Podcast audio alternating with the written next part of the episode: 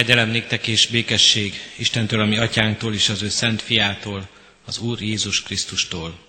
Amen. Ami segítségünk, Isten tiszteletünk megáldása és háladásunk jöjjön az Úrtól, ami Istenünktől, aki Atya, Fiú, Szentlélek, teljes szent háromság, egy örök és igaz Isten.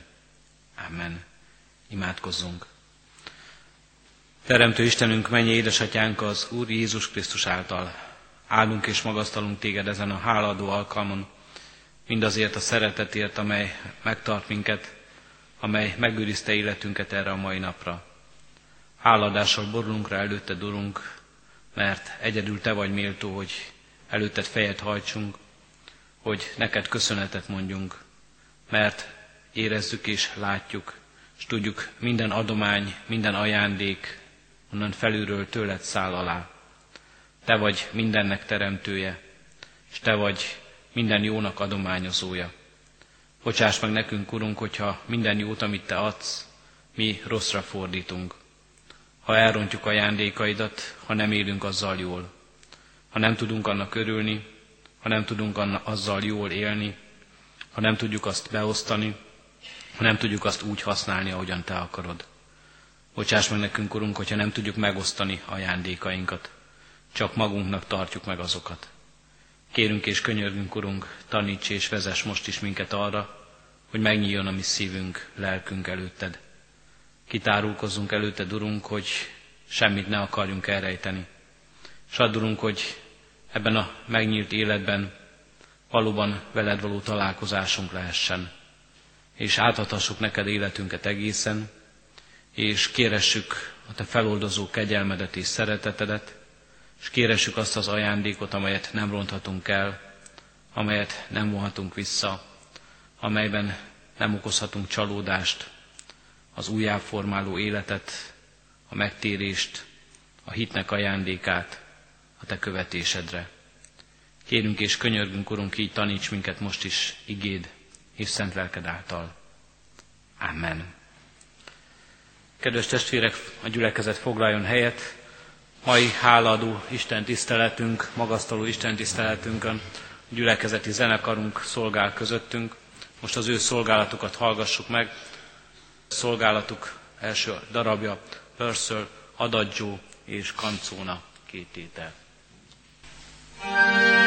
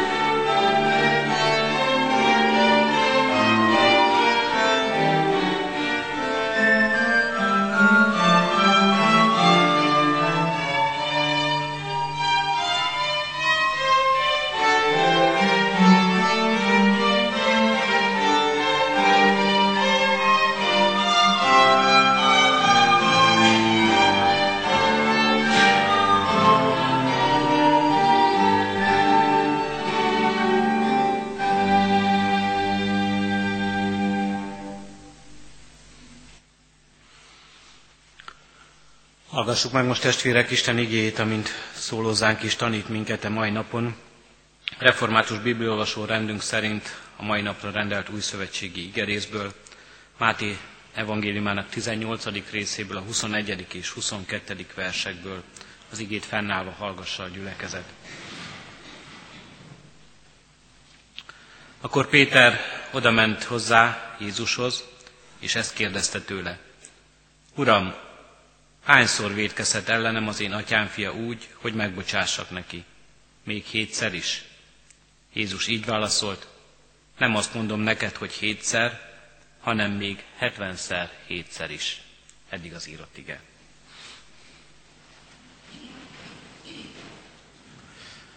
Kedves testvérek, a hónap első szombat, vasár, szombat esti Isten tiszteletünk általában magasztaló Isten tisztelet. Magasztaló Isten tiszteletre hívjuk a testvéreket azért, hogy Isten dicsőítsük valamiért, amire éppen emlékezünk, valamiért, ami éppen elénk kerül. Mai ige azt a szeretetet hozza elénk, azt a megbocsátó szeretetet, amelynek a mértéke végtelen, amelynek nincs határa. És ha arra gondolunk, hogy magasztaló Isten tiszteletet tartunk, arra gondolunk, hogy valamiért dicsőíthetjük Istent, azt hiszem, ez rögtön az első dolog, ami eszünkbe juthat. Istent azért dicsőíthetjük és azért magasztalhatjuk, mert szeretete végtelen. Azért, mert megbocsátó és könyörülő irgalmának nincs vége. Nagyon sokszor eszembe jut a Jeremiási ige, szeret az Úr, azért nincs még végünk. Egy szombat esti istentisztelet, ha éppen nem a hónap első szombatjáról esik, nem, nem a szombatjáról van szó, akkor általában olyan hálaadó istentisztelet, amikor az elmúlt hét ajándékaiért adunk hálát. Szeret az Úr, azért nincs még végünk. Azért nincs még végünk, van életünk, tart ez a mai nap, tart az Isten kegyelmének az ideje, mert szeret minket.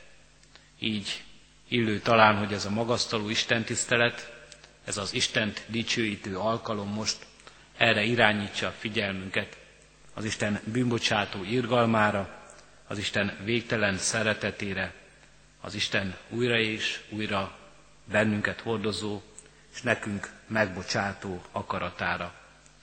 Erre hív minket az ige. Péter beszélgetése Jézussal. Uram, hányszor védkezett ellenem az én atyám fia, úgy, hogy megbocsássak neki, akár még hétszer is.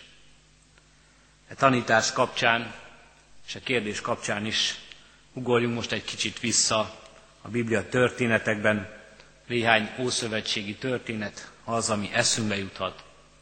Hányszor védkezett ellenem az én atyám fia úgy, hogy megbocsássak neki. Sok olyan történet szól erről, amely igazából arra van kiegyezve, hogy hányszor védkezett ellenem valaki úgy, hogy a végén aztán ne bocsássak meg neki, hogy határt szabjak az én bocsánatomnak.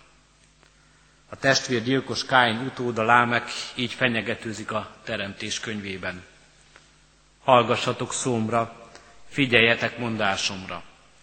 Embert ölök, ha megsebez, gyermeket is, ha megüt. Ha hétszeres a bosszú Káinért, 77-szeres az Lámekért.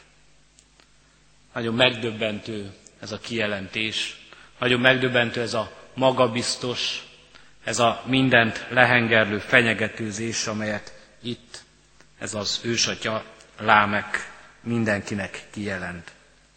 Szinte ellentmondást nem tűrő hangon, ez a fenyegető hang, amelyit megszólal. Megrémiszt, és talán megkeserít sokakat, amikor ilyet hallanak. Megdöbbentő ez az izzó gyűlölet, megdöbbentő ez a túlzó bosszú, amelyről itt szó van, embertől, ha megsebez, gyermeket is, ha megüt. Nem is értjük, hogy milyen ember lehetett ez a lámek. Ennyire agresszív valaki, ennyire durva, ennyire durva lelkű, ennyire kőből van a szíve ennek az embernek. Vagy ilyen nagyra tartja magát, ennyire önző, ilyen büszke, ennyire csak önmagával van elfoglalva. Milyen ember lehetett ez a lámek? Az az érzésem és az a gondolatom, hogy lámek egy valójában nyúlszívű ember lehetett, akinek a szíve tele volt félelemmel, aki félt attól a világtól, amelyben élt. És ez a félelem mondatta ki vele ezeket a szörnyű szavakat, ezt a fenyegetést, hogy jó előre szavakban tisztázza, őt nem lehet ijeszgetni. Megdöbbentő Lámek szava, de vajon megdöbbenünk-e ennyire a mi saját érzéseinken is? Amikor bennünk kezd el ágaskodni a bosszú érzése, amikor mi a saját félelmeinket eltúlozva, fölnagyítva, a világra vetítve azt, nem magunkban keressük a megoldást, hanem a világtól akarjuk távol tartani magunkat, amikor kivetítve a félelmeinket úgy gondoljuk, hogy úgy védekezhetünk az ellen leginkább, ha eltaszítunk magunktól mindenkit, mindenki mást. Egy másik ószövetségi történet is eszembe jutott erre az ígére gondolva, amikor Jónás az ítéletre szánt, de bűnbánat tartó Ninivét, Ninive előtt falai alatt így perel az Úrral, így kéri számon Isten Jónást. És Isten megkérdezi tőle, igazad van-e, amikor haragszol? Jónás dühösen csattan fel, igazam van, haragszom, mint halálig. Talán ez a dacos felkiáltás már sokkal közelebb jön a mi életünkhöz. Haragszom, mint halálig. Ma délután valami hasonlót hallottam a nagyobb lányomtól, a kisebb lányom felé. Haragszom, mint halálig. Nem akarok megbocsátani. Talán a gyermekek ezt kimondják, mi felnőttek nehezebben mondjuk ki, de az érzés ugyanez. Ott van a szívünkben. Családunkban van egy történet, amelyet újra és újra előveszünk, amikor erről van szó. Az egyik távoli rokonunk összeveszett valakivel a rokonságban, és amikor hosszú évtizedek után is még nem tudtak megbocsátani egymásnak, nem is szóltak egymáshoz, nem is látogatták meg egymást soha, semmilyen alkalmon nem lehetett őket egyszerre meghívni, akkor már valamikor késői leszármazottak úgymond, vagy mi gyerekek felnőve kérdeztük, hogy de is, mi is ennek a haragszomnak az oka. Miért is nem állnak ők soha szóba egymással? Miért is nem hajlandók egymással találkozni?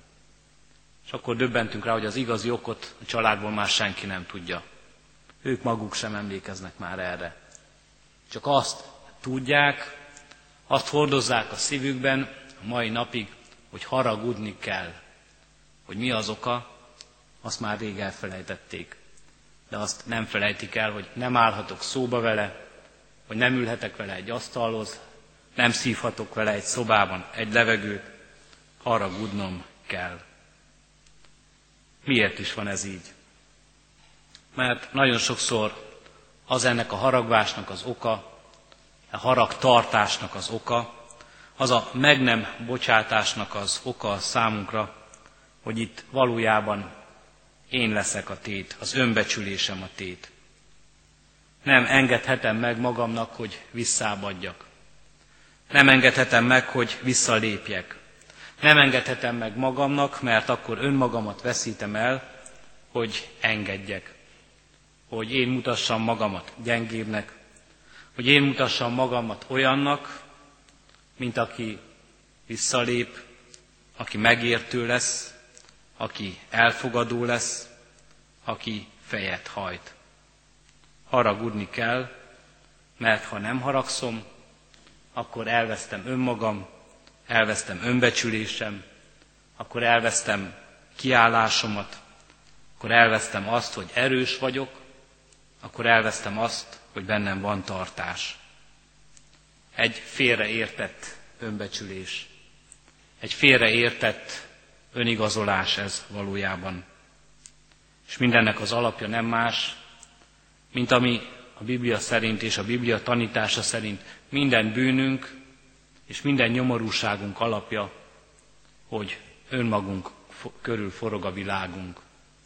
a gondolkozásunk, és azt szeretnénk, ha körülöttünk forogna ez a világ, azt szeretnénk, ha mi határoznánk meg abban mindent, az önzés, amely az embert a bűnbe viszi, és amely az embert, ahogyan látjuk, nem hagyja, hogy a bűnéből kilépjen, hogy azzal szakítani tudjon. Nem csak egyes emberre igaz ez, igaz lehet ez egy egész közösségre is. Sokszor egy közösség is tud ilyen önbecsapásban, ilyen önző módon élni. Tud akár élni így egy család közössége, tud akár élni így egy gyülekezet, egy egyház közössége is, hordozva valami hamis önképet magáról, és szakítani mindennel, ami a világból érkezik hozzá, szakítani minden közösséggel, elveszítve így minden nyitottságot, elveszítve így minden befogadást. És nem csak ember és ember között lehet ez így, hanem ahogyan láttuk Jónás és Isten esetében, ember és Isten között is lehet így. Az ember hordozhat ilyen haragot szívében Istennel szemben is. Istennek nem megbocsátva. Neki tulajdonítva valami bűnt, neki tulajdonítva valami sértést, és ezt a haragot, ezt a meg nem bocsátani tudást hordozni egy egész életen át. És ebben szólal meg Jézus tanítása. Péter jogos kérdésére. Jézus így válaszol, nem azt mondom neked, hogy hétszer, hanem még hetvenszer, hétszer is. Jézus mondja ezt, az Isten fia. Jézus mondja ezt, akit Isten azért külde be a világba, hogy benne megmutassa szeretetét, benne megmutassa kegyelmét. Jézus mondja ezt, akiben valójában azt látjuk, hogy nem csak egy tanítás ez, hanem maga a valóság, maga a megvalósulása ennek a megbocsátásnak, ennek a szeretetnek. Jézus mondja ezt, akiben Isten nekünk hetvenszer, hétszer is megbocsát. Újra és újra megbocsát. A hetvenszer hét a teljesség számaként, az örökké valóság számaként jelenik itt meg. Jézus mondja ezt nekünk, akiben Isten minden bűnünket megbocsátja. Előre megbocsátja azt is, amit holnap követünk el. Jézus mondja ezt nekünk, akiben Isten egyszer és tökéletes módon hozza el nekünk a bűnbocsánatot és a kegyelmet. És ezért számunkra itt ezen a dicsőítő és magasztaló Isten tiszteleten fontos erre emlékeznünk, és fontos ezért hálát adnunk, és ezt úgy tehetjük meg legjobban a saját életünkre nézve. Arra gondolunk, hányszor, és mi mindent bocsátott meg nekünk is eddig Istenünk. Ki az közülünk, aki ezt felsorolhatná? Ki az közülünk, aki eddigi életére visszatekintve elsorolhatná, hogy milyen bűnöket, mikor követett el, és mikor kapott erre Istentől bocsánatot? Ki az, aki így állhatna meg Isten előtt, számon tartva ezeket? Milyen jó, hogy nem is kell így Isten elé állnunk. Milyen jó, hogy Isten nem várja ezt tőlünk, mert ő maga sem tartja számon, mert ő maga is eltörli ezeket. Bűneidet hátam mögé vetem, és azokról meg nem emlékezem. Tanít Isten minket. Cselekedjünk hát így mi is. Egyrészt háladással álljunk Isten elé, az ő megbocsátó szeretetéért, kegyelméért. Másrészt ez a tanítás nem csak nekünk szól, hanem rólunk is szól. Mi magunk is cselekedjünk így. Cselekedjünk így fele barátainkkal, cselekedjünk így ellenségeinkkel, cselekedjünk így mindenkivel.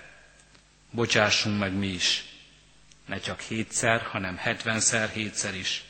Bocsássunk meg mi is úgy, hogy nem számoljuk hányszor kell azt tennünk, és ne nézzük azt, kivel kell azt megtennünk. Hogy ezt megtehessük, arról Lámek, Jónás és a magunk példája is arról szól és arra tanít minket, kevés az emberi erőnk, kevés az emberi odaszánásunk, mert mi alapjában véve nem változva, önzők maradunk és magunkra gondolunk. Isten kell, hogy segítségünkre siessen. Új lélekkel, új szívvel, odaszánt élettel, a hitben való megerősítéssel, napról napra újra és újra figyelmeztetéssel, én szeretlek téged, szeress engem, és te is szeress másokat. Erősítsen meg minket Isten, és legyen ezért ővi a dicsőség, most és mindörökké. Amen. Most helyünkön maradva testvérek, újra a gyülekezeti zenekar szolgálatát hallgassuk meg. Korelli trió szonáta D-dur négy tétel az, amit most hallani fogunk.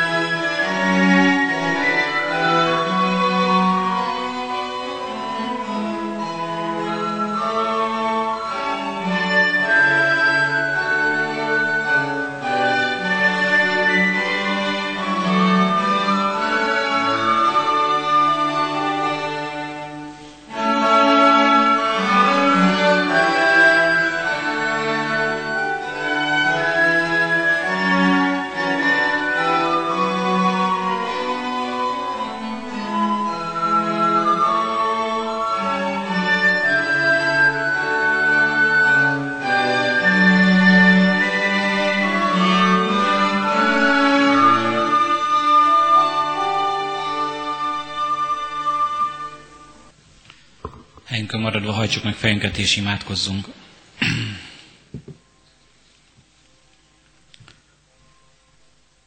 Köszönjük neked, Urunk, hogy Te azt akarod, hogy az életünk teljes, boldog és békés élet legyen. Hogy ne cipeljük magunkkal bűneink terhét, ne hordozzuk magunkban sértettségünket és sértődéseinket, és ne hordozzuk magunkkal azokat a bűnöket, amelyeket meg kellene, hogy bocsásson nekünk valaki. Ezért tanítasz minket arra, hogy legyen bátorságunk, legyen erőnk megállni bűnbánattal előtted, bocsánatot kérni mindazoktól, akiktől bocsánatot kell kérnünk, és legyen bennünk elég erő, odaszánás, salázat, hogy hordozzuk azokat, akik ellenünk követnek el bűnöket, és meg tudjunk bocsátani. Köszönjük, Urunk, hogy erre Te magad mutatsz példát nekünk, hogy Te így hordozol minket fiadban, Jézus Krisztusban. Magasztalunk és dicsőítünk Téged szeretetedért és kegyelmedért, amely napról napra kiárad ránk, amelyből ma is élhetünk. Legyen áldott, Urunk, ezért a Te neved.